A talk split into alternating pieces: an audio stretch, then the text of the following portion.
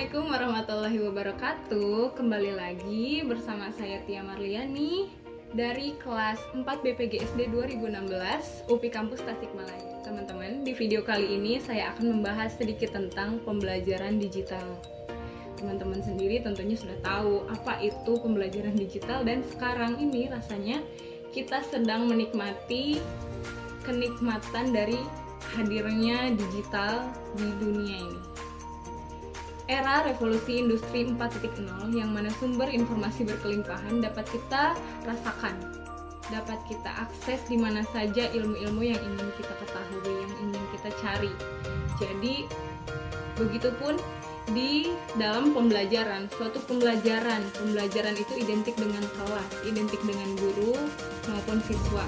Tapi di pembelajaran digital, semua jangkauannya luas tidak dibendung oleh tempat, oleh guru, dan dapat diakses oleh siswa mana pun, tidak terikat jumlah. Jadi pembelajaran digital itu adalah proses pembelajaran yang mana menggunakan media atau alat digital dengan berbantuan internet sebagai jembatannya. Jadi udah tahu sendiri kan, kayak kita nih, seperti saya sendiri sedang melakukan proses pembelajaran digital. Apa saja sih pembelajaran digital itu? Jadi secara umum pembelajaran digital itu ada dua. Yang pertama, electronic based learning dan internet based learning. Electronic based learning itu menyangkut tentang alat-alat yang digunakan dalam proses pembelajarannya seperti laptop, komputer, audio, lalu um, proyektor di dalam kelas. Kemudian yang dimaksud dengan internet based learning tentunya ada kata-kata internet yang membantu untuk mengakses kita mencari sumber-sumber yang akan kita pelajari. Seperti dari untuk mengakses sebuah situs tentunya kita perlu berbantu dengan internet Nah, apa saja sih yang alat-alat yang dibutuhkan untuk e, melakukan pembelajaran digital ini? Yang pertama, adanya laptop, komputer, handphone, lalu alat perekam seperti yang sedang saya lakukan, dan um, bisa berbentuk telepon mungkin kemudian hmm, alat pengeras suara.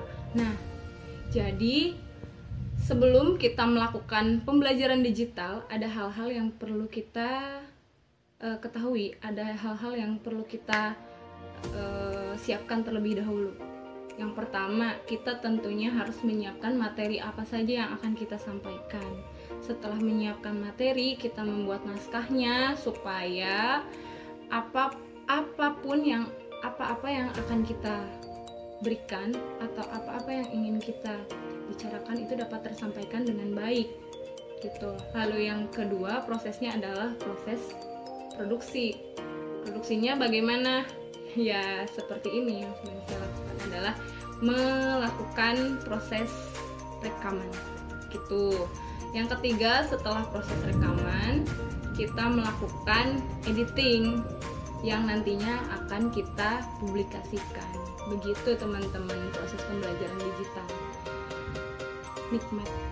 Nikmat emang nikmat sih saya rasakan kalau pembelajaran digital itu manfaatnya sangat banyak.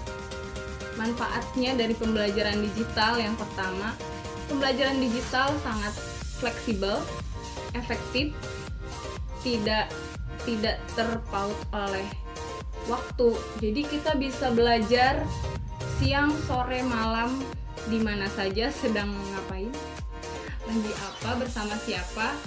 Ketika kita ingin tahu, ingin mencari tahu apa yang kita uh, pikirkan atau apa yang menjadikan diri kita itu uh, penasaran, kita bisa cari tahu lewat searching atau menonton video dan video itu tentunya bisa diakses kapan saja. Itu yang namanya fleksibel.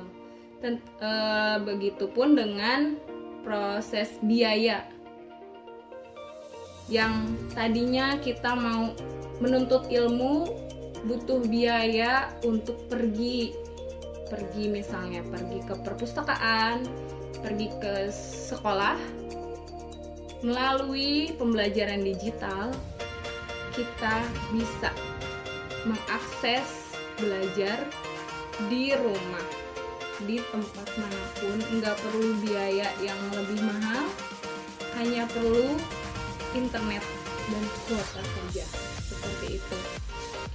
Uh, jadi teman-teman pembelajaran digital ini rasanya sangat efektif untuk menunjang um, di era-era sekarang yang sesuai dengan tuntutan ilmu pengetahuan dan teknologi yang masih yang masih berkembang dan sangat maju.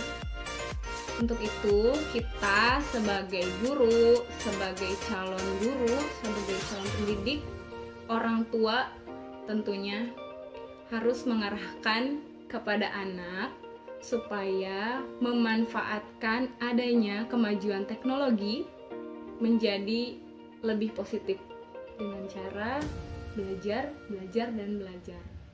Pesannya e, dari saya adalah kita harus mendidik anak sesuai dengan keadaan zaman kita sekarang. Seperti itu. Oke, jadi begitu saja yang akan saya sampaikan, yang ingin saya sampaikan. Mudah-mudahan uh, yang baiknya bisa diterima dengan baik. Dan yang salahnya jangan ditiru ya teman-teman. Karena kesempurnaan hanyalah milik Tuhan.